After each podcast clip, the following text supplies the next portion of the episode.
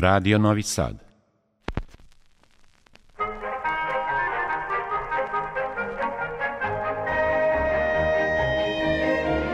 Putevima muzike. Vodi vas Olena Puškaš.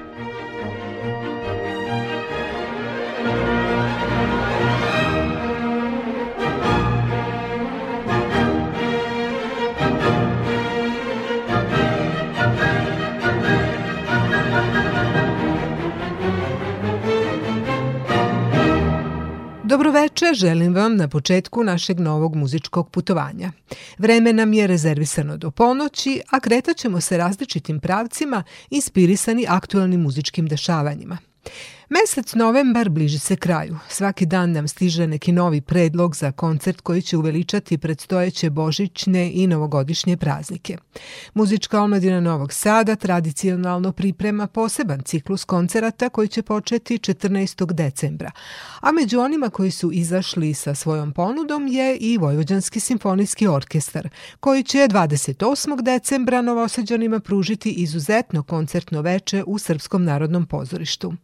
Naime, kao solista, tada na novogodišnjem gala koncertu uz njih će nastupiti vrhunski svetski violinista Maksim Vengerov, dobitnik jednog Gremija, pet nagrada Edison, dve muzičke nagrade Eho, nagrade Classic Brit i još mnogih drugih priznanja koja ga svrstavaju u najveće izvođačke zvezde današnjice. Program će, kako najavljuju, vatrometom virtuoziteta reprezentativno predstaviti muzičko stvaralaštvo romantičarske epohe. Novogodišnji koncert naših simfoničara uvek je izuzetno atraktivan muzički događaj za koji vlada veliko interesovanje. Pa dok razmišljate da li ćete se pridružiti onima koji su već nabavili karte, Možda će vam u odluci pomoći naša prva muzička tačka sa minijaturom pod nazivom Ples patuljaka Antonija Bacinija. Ona se nalazi na jednom od mnogih diskografskih izdanja Maksima Vengerova sa izborom kraćih, virtuoznih, takozvanih bis komada za violinu i klavir.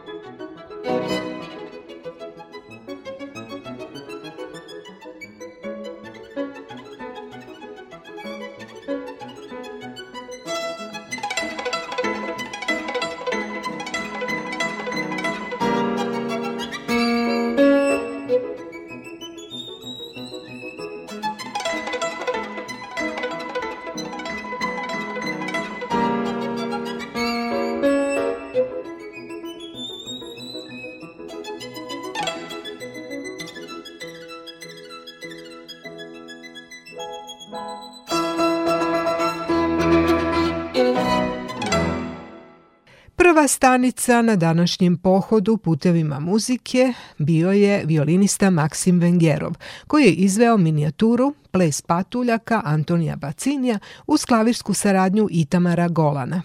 Ponovit ću još jednom da će Vengerov biti gost solista na novogodišnjem gala koncertu Vojvođanskog simfonijskog orkestra 28. decembra u Srpskom narodnom pozorištu.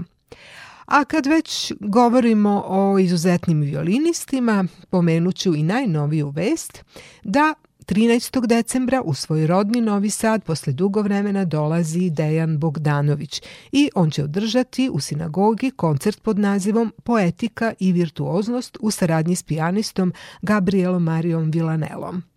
10. decembra isti program izvešće i u sali Kolačeve zadužbine u Beogradu, A ja ću samo podsjetiti mlađu generaciju slušalaca da je Bogdanović jedan od najuspešnijih violinista poteklih s Novosadske akademije umetnosti, ima izuzetnu međunarodnu karijeru, a zaista redko imamo priliku da ga slušamo ovde, s obzirom na to da živi u Italiji.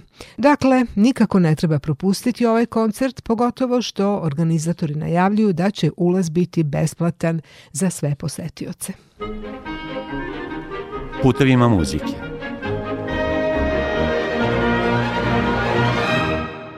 Sada krećemo dalje. Naredni obimniji blok emisije Putevima muzike izdvajamo za izvođenja zagrebačkih solista zabeležena u produkciji naše kuće na ovogodišnjem Nomusu.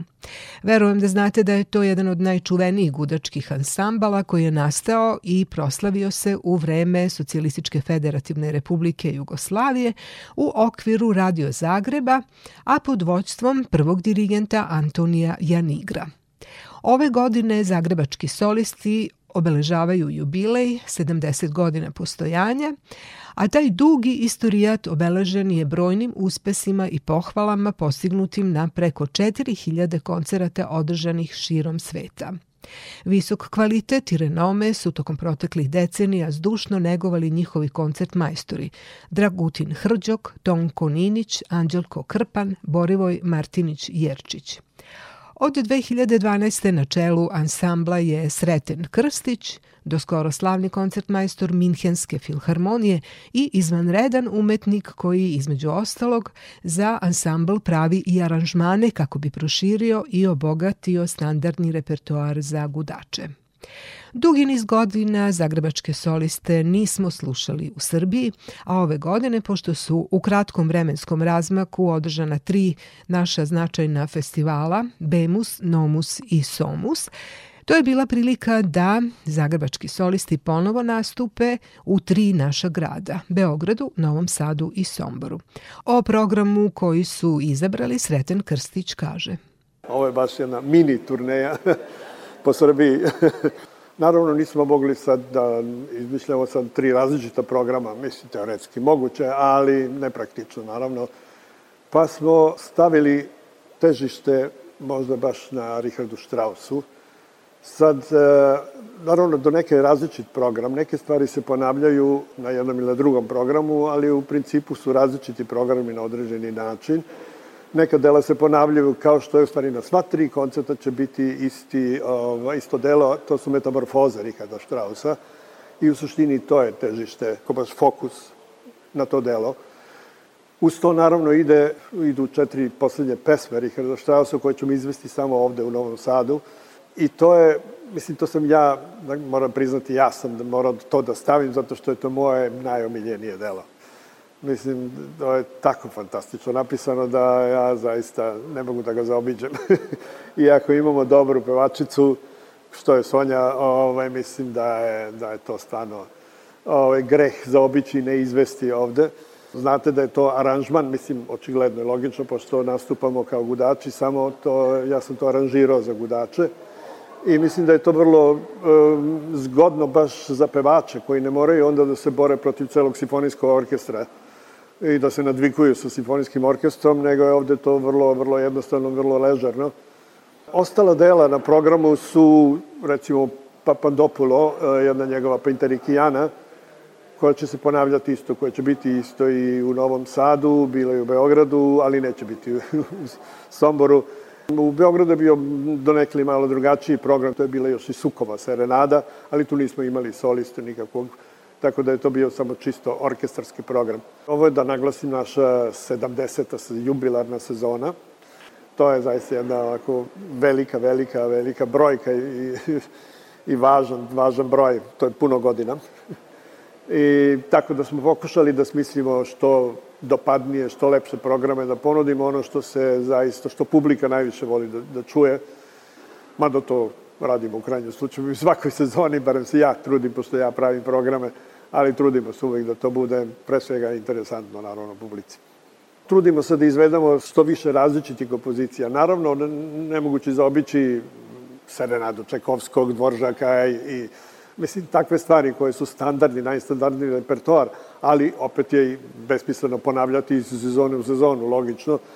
Prema tome, mislim, ja pokušavam da tražim neke interesantne kompozicije koje se redko izvode, koje se redko čuju, između ostalom pravi i razne aranžmane, e, da bi to, eto, na neki način osvežio i malo, znate, samo učinio taj raznovrsnim, taj, taj program za gudački ansambl da, kažem, nije on mali, sigurno ima puno, puno dela je napisano. Naravno, koliko je sad sve vredno za čuti, pitanje, drugo pitanje, ali bez obzira na to, evo, kažem, pokušavam ja i na svoj način neki da dam neki moj doprinos tim aranžiranjem, pa da tu i tamo ubacimo neke interesantna dela, čisto u smislu da se čuju, koja su poznata naravno na jedan način, simfonijski ili kamerni, zavisi, mislim, aranžiram i simfonijske dela ili i kamerne muzike, dela kamerne muzike, kažem da se čuju znači, u jednom novom, novom obliku, novom zvuku, na drugi način. U tom smislu um, imamo dosta, dosta programa i ja se nadam da, da to, koliko vidim po reakcijama publike, da to ne ilazi na odobravanje i da se to rado sluša. Mislim da pogađamo duh koji treba. je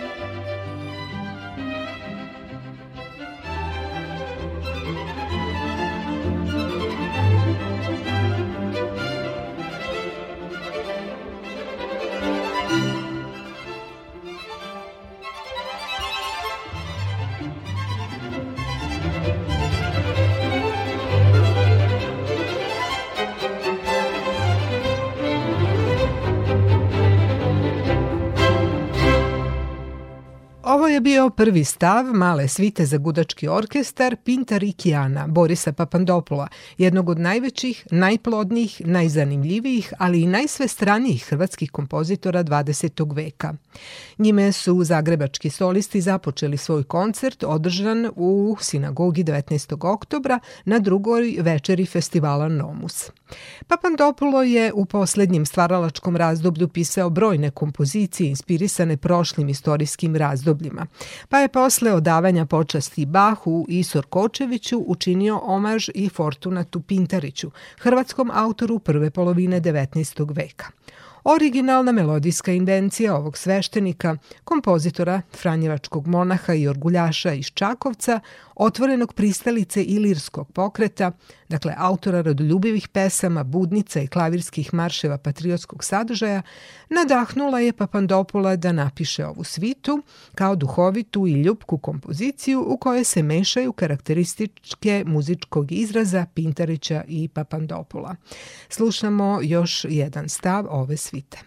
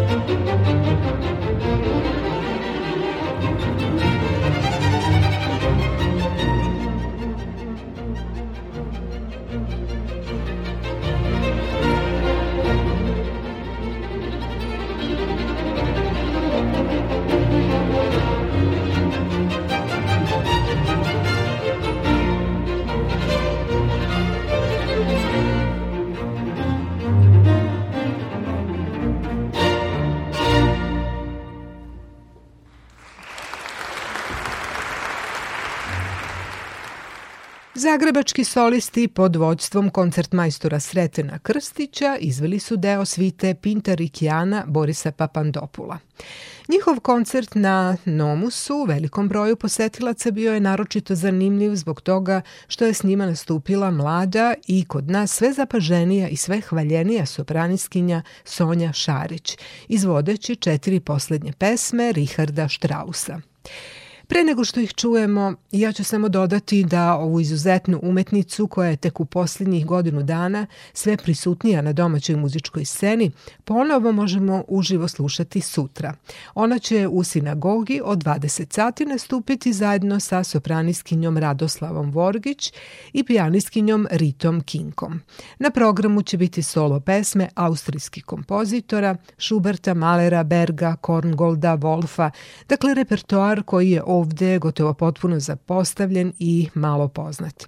I Sonja i Radoslava su tu muziku upoznale i izučavale na izvoru školujući se u Austriji i Nemačkoj. Tako da će to biti nešto novo za našu publiku i verujem da će izvođenja otkriti svu lepotu ovih pesama. To govorim imajući na umu utisak koji je Sonja Šarić ostavila nedavno na Nomusu izvodeći četiri posljednje pesme Richarda Strausa. Ona je za radioteleviziju Vojvodine ispričala kako je došla u dodir sa tim pesmama i kako je se ukazala prilika da ih izvede sa zagrebačkim solistima. Ja sam puno izvodila uh, pesama Richarda Strausa i uh, nekako tokom studija sam često od moje profesorke dobijala tako mailove sa linkovima šta se treba da pevam i uh, u jednom momentu je stigao red baš i na ove pesme. Uh, ja sam sa, sa njima uvek osjećala neku posebnu privlačnost prema tim pesmama. Ne mogu da kažem zašto, a vremenom sam shvatila da one u stvari e, su toliko bogate bojama i toliko e, slave sopran u smislu u svim njegovim lagama i um, izazovne su vrlo vokalno, a mnogo više onako umetnički što se tiče uh, dubine muzičkog izraza. Tako da sam ja uvek jako želela da ih pevam i uvek su mi, svake godine sam ih se malo dotakla. I svake godine mi je neka druga od njih četiri bila omiljena. I tako da i danas na probi sam imala svoju omiljenu, a ko zna koja će biti sutra. Vrlo su lepe i vrlo e, puno tih harmonija. One zbilja nisu iz, e, planirane od kompozitora kao ciklus, ali predstavljaju jedan savršen ciklus prirode, čak i unutar te četiri pesme imamo ciklus od proleća u svim njegovim bojama i mirisima do, do, do jeseni i onda taj zalazak sunca koji je u stvari e, kroz čitave, čitav ciklus se negde naslučuje kraj, naslučuje se odlazak, zalazak, e, smrt, ali na jedan vrlo suptilan način. Kada neko e, sa velikim iskustvom osjeća se to prihvatanje tog prirodnog toka života. I na kraju krajeva mislim da, da te pesme po meni, onako kako ih ja osjećam, ne odlaze e, nigde drugde nego u, u neko uzvišenje gde više materijalno i sve što je opipljivo ne postoji. Naravno da je novo iskustvo i, i ali obzirom da sam ja tako mlada, da izvodim ove pesme koje možda za razumevanje njihovo treba neko ko je dosta stariji, ali e, svi prolazimo kroz život, kroz razne situacije i ja verujem da je moje razumevanje njih sada možda drugačije nego što je bilo pre pet godina, a sigurna sam da će se promeniti i u budućnosti. Ali bez obzira na to, mislim da to ne treba da bude uh, ograničenje da u, u repertoaru u smislu ako um, leže mom glasu i um, ako postoji interesovanje organizatora publike da se to izvodi u mojoj interpretaciji, onda um, mislim da je to za mene izazov i ja, ja volim da se prihvatim izazova. Sada ćemo čuti prve dve pesme iz ciklusa koji je 84-godišnji Richard Strauss napisao godinu dana pre smrti, majstorski zaokružujući ne samo svoj opus, već i čitavu epohu nemačkog lida. Prva pesma nosi naziv Proleće. Druga september, obe su pisane na stihove Hermana Hesea.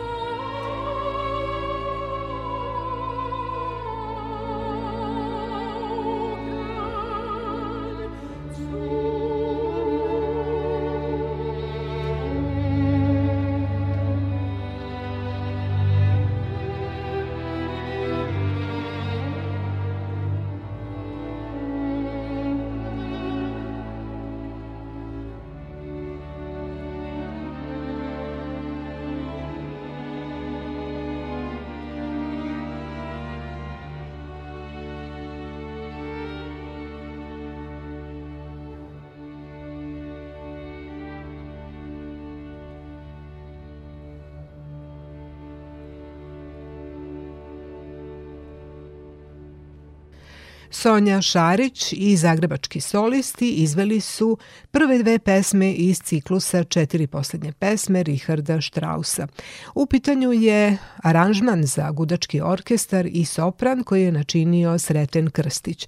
A pre nego što čujemo treću pesmu iz ovog ciklusa, Njen naslov je Odlazeći na počinak, stihovi su takođe Hermana Hesea. Sonja Šarić će ispričati kako je svojevremeno u svom rodnom Somboru zavolela pevanje i kako su joj putevi muzike dalje vodili.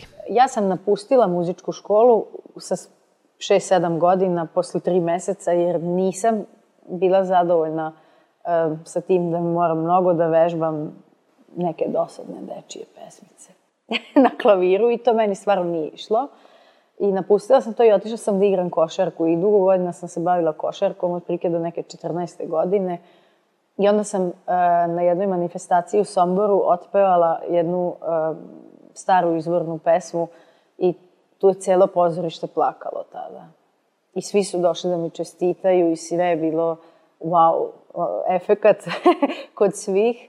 A ja sam nekako osetila da ću ja biti pevačica tog dana i to se više nikad nije promenilo. Ja sam ovaj, eh, od 2019. do juna ove godine bila samostalni umetnik i eh, to je bilo jedno, jedan divan period, bez obzira što je bilo otprilike sve vreme doba COVID-a.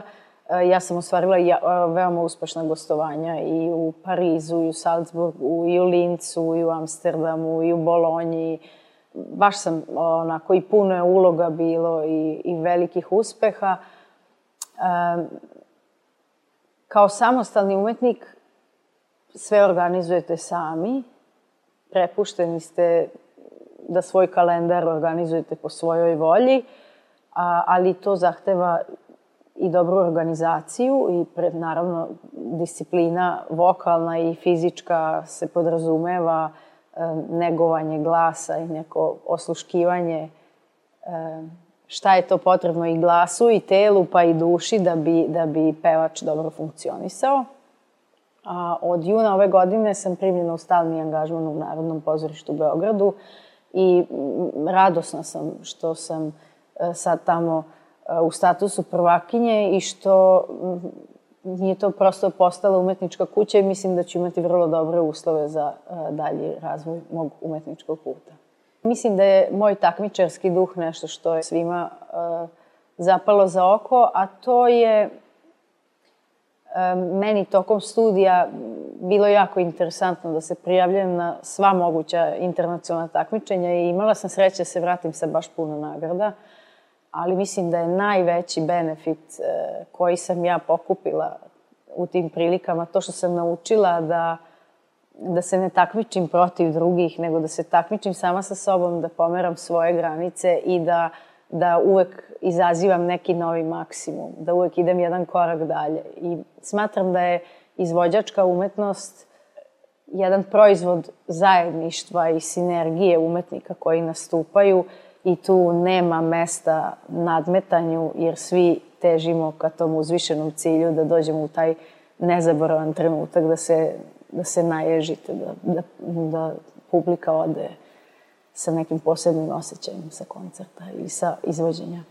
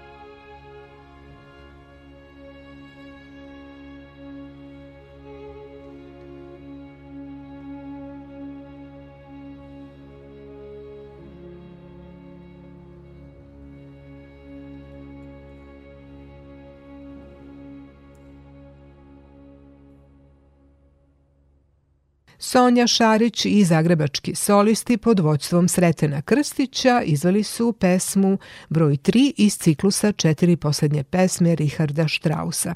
Snimak je napravljen 19. oktobra u sinagogi na festivalu Nomus. Ovo je inače bio prvi nastup Sonje Šarić na Nomusu. Čujmo šta je ona rekla o tome i o planovima koji je očekuju u narednom periodu. Nomus je festival koji je sa jako velikom tradicijom i svake godine okuplja jako velike umetnike i ne mogu reći da sam aktivno sanjala o tome da, da učestvujem na festivalu, ali sam se jako obradovala e, pozivu organizatora i prosto mi je velika čast što sam se našla u takvom, u društvu takvih svetskih umetnika koji nastupaju na Nomusu ove godine. Kad sam dobila poziv od organizatora, onda smo razmišljali šta je to što je interesantno i meni i publici. Onda smo vrlo brzo došli do četiri poslednje pesme Richarda Strausa kao izbor repertoara, a, a oni su predložili da to budu zagrebački solisti i na našu radost e, rukovodilac ansambla Sreten Krstić je aranžirao e, ove četiri pesme baš za zagrebački soliste, tako da spoj lepih okolnosti. E, ja sam početkom ove godine debitovala kao Senta u e, ukletom Holandjaninu i e, to je bila, kako bih rekla, vrlo jedna komplikovana priča s početka. Ja sam pitala sve pedagoge s kojima sam ikada radila i koji me dobro poznaju, da li je ta uloga za mene. I svi su mi vrlo oprezno rekli da, da pazim, da je to veoma dramska uloga. Međutim, ja sam našla neke snimke koji su mene zainteresovali i koji su mi pokazali da i glasovi slični mom mogu to da pevaju. I bila sam strašno uporna i prihvatila sam angažman i doživjela sam nezapamćeni uspeh. Iako sam se strašno plašila, ja sam se bukvalno do samog kraja te produkcije plašila šta će biti posle, da li ću ja imati glas. Ovaj, međutim, bilo je jako lepo i e, ne znam da li su me prepoznali e, kao wagnerijanskog soprana. Ono što ja ne volim jeste da se ograničavam e, na bilo kog kompozitora ili na bilo kog e, na bilo koji fah. Mislim da ima to nekog smisla kada je neko stalno zaposlen u nekom pozorištu, pa da ne bi pevao uh, jako različite stvari u, u kratkom vremenskom periodu, ali mislim da uz dobru organizaciju može, može da se uh, u svakom slučaju peva više stvari odjednom. I uh, zašto izbjegavati Wagnera? Mislim, to je fantastična muzika. Iako je moj favorit Verdi ali volim. Ja uvek najviše volim ono što tog trenutka pevam. Pa u budućnosti me očekuju predstave u matičnom pozorištu. Biće to Aliće Ford u Falstaffu, zatim Norma Vicenza Bellinija, u pripremi je i opereta Slepi miš u kojoj treba da debitujem kao Rosalinda. Ono što me posebno raduje jeste prsten Nibelunga koji će biti u Bolonji, koncertantno izveden uh, iduće godine i tu treba da debitujem kao Freja u Rajnskom zlatu i kao uh, Ziglinde u Valkiri koja je zaista veliki. I sada sledi četvrta pesma Richarda Strausa, Suton. Nju je kompozitor napisao nešto ranije od prethodne tri. Stihovi su Jozefa von Eichendorfa i oni govore o slutnji na dolazeće smrti. A zanimljivo je da se iz ove pesme uzdiže glavna tema koju je Strauss upotrebio i u svojoj simfonijskoj poemi Smrt i preobraženje, utapajući se u sanjivu atmosferu večernjeg vazduha. Thank you.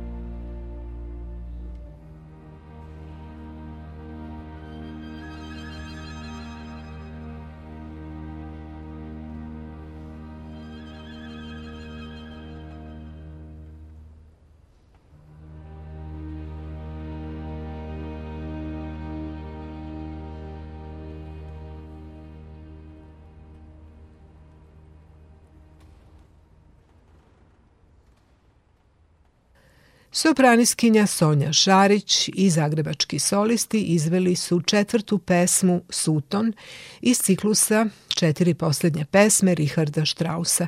Snimak je zabeležila terensko-produkcijska ekipa radiotelevizije Vojvodine 19. oktobra u sinagogi. Putevima muzike Ostaje nam sada da poslušamo i najobimniju tačku koju su te večeri na Nomusu izveli zagrebački solisti. To su čuvene metamorfoze za 23 solistička instrumenta. Richard Strauss je u istoriji muzike prepoznat kao sjajan majstor savremenog orkestra i raskošnih instrumentalnih boja. Kako je Gustav Mahler jednom rekao, on je bio velikan trenutka – Iako je kao orkestrator pre svega poznat po programskim delima, odnosno simfonijskim poemama, u svom poslednjem periodu stvaralaštva napisao je metamorfoze koje spadaju u žanr apsolutne muzike. U pismima iz tog vremena vidi se da je autor bio u dubokoj depresiji izazvanoj razaranjem kulturnih spomenika u Nemačkoj i Austriji pred kraj drugog svetskog rata, a naročito bombardovanjem nacionalnog teatra u Minhenu oktobra 1943. Kada je mislio da posle opere Capriccio iz 1942. više neće komponovati, avgusta 1944. stigao je poziv od Paula Zahera da za Ciriški kolegijum muzikum napiše polučasovno delo za gudački orkestar. Tako je 80-godišnji stvaralac dobio priliku da izrazi svoju muzičku reč Žal za Minhenom, što je kao moto utisnuo na početku partiture. Specifičan sastav od 23 solo gudača postavljenih u različitim kombinacijama, najpre u inicijalnom adađu napregnutih lukova, stvara utisak enormno uvećanog i izuzetno fleksibilnog gudačkog kvarteta. Osećanje čežnje i rezignacije naročito je prisutno u temi posmrtnog marša, a naslov dela ukazuje na stalno tematsko preobražavanje, pri čemu osnovna ideja ostaje netaknuta.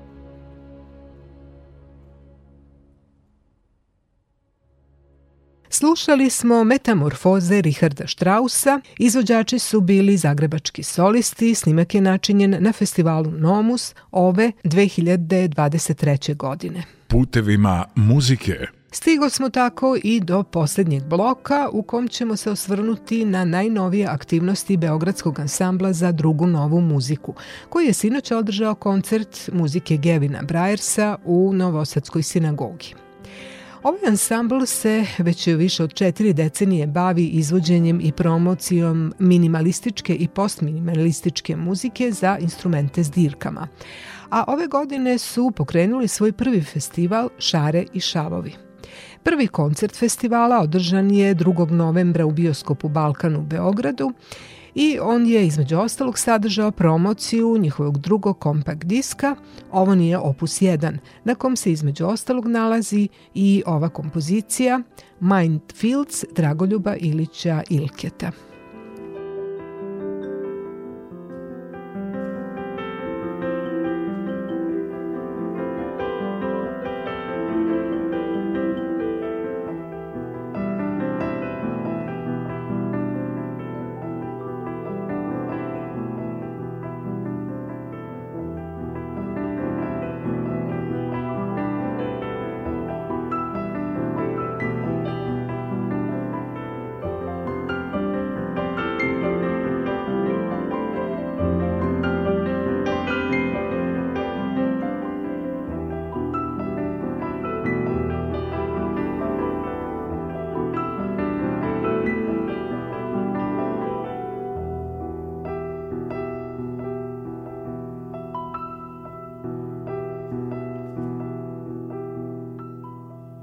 Na novosadskom koncertu Ansambl za drugu novu muziku nastupio je u sastavu četiri pijanistkinje Nataša Penezić, Branka Parlić, Nada Kolundžija i Lidija Stanković, a bio je prisutan i jedan od osnivača, kompozitor Miroslav Miša Savić, koji mi ispričao kako je svojevremeno pokrenut ansambl. Ansambl je i prvi i drugi put okupljen, ovaj, prvi put 77. druge drugi put 2017. godine, samo sa jednokratnom namenom da izvede određene kompozicije povodom određenog, ajde kažemo, iz određenog razloga. Prvi put to je bila ove, je serija kompozicija Miloša Rajičkovića pod nazivom Permutacije, a drugi put smo hteli da proslavimo jubilej 40. godišnjice. I svaki put e, ansambl je nastavio da radi, iako je bila ideja da imamo samo jedan koncert – prosto su ljudi tako reagovali, ovi koji su učestvovali u radu i oba puta smo se nekako podigli iz pepela, odnosno prvi put iz početka, a drugi put iz pepela, sa jednom malom pauzom od 20 godina koliko ansambl nije radio, jer je prosto vreme bilo takvo. E, on je sada ponovo u nekoj, rekao bih, uzlaznoj putanji, repertoar nam je sve ovaj, bogatiji i sa delima domaćih i a, stranih autora i ove godine smo imali čak i a, festival koji se zove Šare i Šavovi. Prvi koncert festivala bio je u Beogradu u bioskopu Balkan, a večeras u sinagogi je drugi koncert tog festivala, gde je program posebno, uh, ajde kažemo, organizovan prema jubileju čuvenog engleskog minimaliste Gevina Brajersa, koji ove godine slavi 80. godišnicu svog života i e, tim pre je ova prilika bila zgodna da se to ovaj uradi, a poseban kuriozitet je što će u toj proslavi ansambl i učestvovati, naime naše četiri dame putuju u Liverpool i zajedno sa njim će imati koncert 2. E, decembra.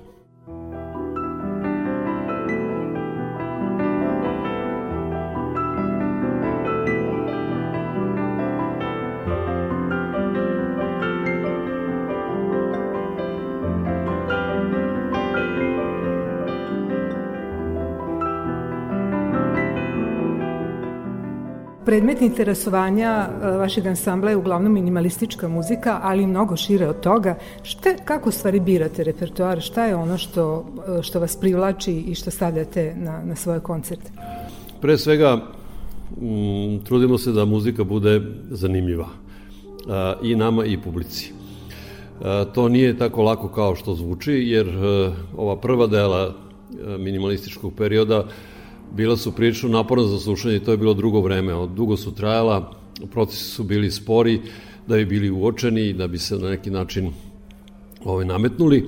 Tako da, posle te prve faze čini mi se da je došlo do nekog ajde kažemo, približavanja ove muzike drugim žanrovima ili drugih žanrova ovoj muzici svejedno potpuno i mi to zovemo generalno postminimalizmom. Dakle, e, neka obeleže minimalizma svakako moraju da postoje, a opet e, da li će ona koketirati, ako mogu tako da kažem, u pozitivnom smislu sa drugim žanrovima ili sa nekim ovaj, van e, minimalističkim idejama, to je sad drugo pitanje.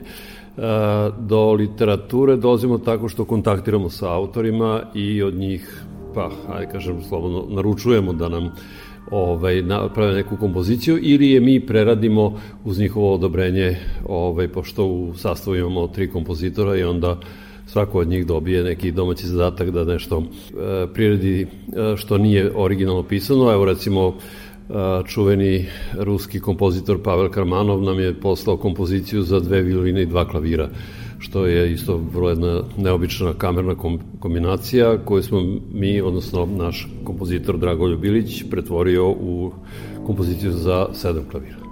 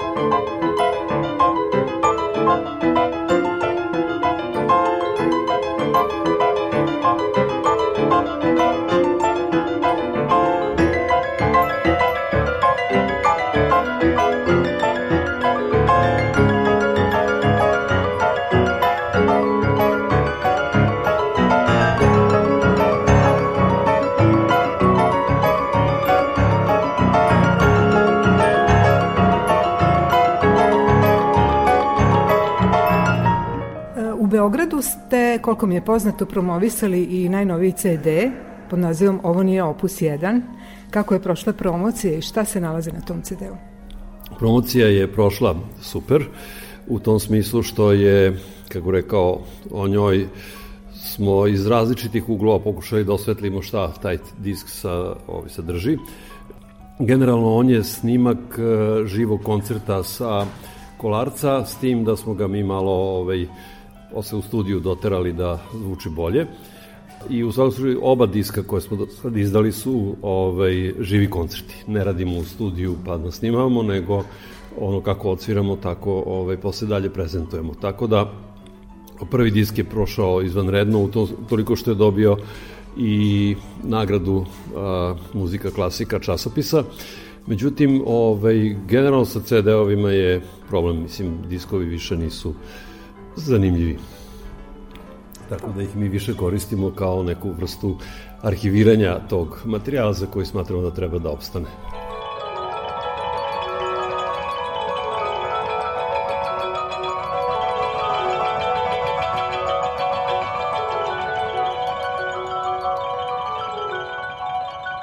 U početku, koliko ja znam, ansambl je osnovan tako da se uh, izvodila muzika za instrumente sa dirkama, tako? tako A sad ste spomenuli kompoziciju za dve violine, vidim na večerašnjem koncertu gitara učestvuje, to znači da proširujete ansambl? Mm, povremeno da, i to zavisi naravno od repertoara, a na ovom prvom koncertu koji smo imali u e, bioskopu Balkan u Beogradu učestvovalo je čak preko 20 muzičara u izvođenju čuvene ovaj, već klasične kompozicije Terija Rajlija in C, koja je inače namenjena improvizaciji, tako da nismo ograničeni samo na aranžiranu muziku ili nešto što je zapisano notama, već pokušamo da i drugačijim zvukom i drugim bojama i drugim načinom ovaj, dođemo do zanimljivih kompozicija.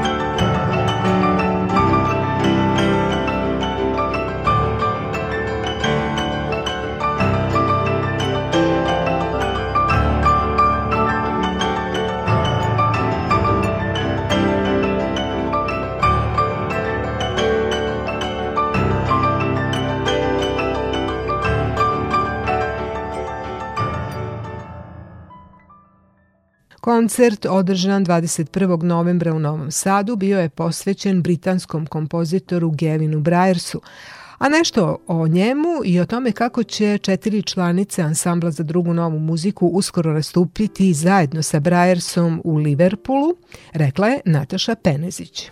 Koncert je posvećen muzici Gevina Brajersa zato što je on jedan od naših omiljenih kompozitora ovako i po osob, pijaniskinjama, posebno Branke Parlić i meni, s obzirom da se nas dve ovaj, da ne kažem, zaljubljeno zanosimo idejom da dovedemo Gevina Brajersa u Srbiju već jedno dobre četiri godine i nikad nismo nalazili na podršku domaćih institucija, iako je on bio jako raspoložen da dođe. E onda smo konačno ovaj, dobili neki poziv za Liverpool koji isto tako stoji u nas već nekoliko godina i odlučili da pošto ove godine Brajers na proslavi 80. rođendan da posvetimo ceo koncert Nemo. I onda on čuo za to, od, ja mislim, od organizatora i od, oduševio se i pitao pa dobro šta svirate i kad je čuo šta sviramo, a to su sve dela koja se ovaj, gotovo nikad ne izvode, onda je odlučio da dođe na taj koncert. A onda je neko, mislim, Branka rekla pa dobro, hoćeš da sviraš s nama? Pa on onda rekao pa hoću.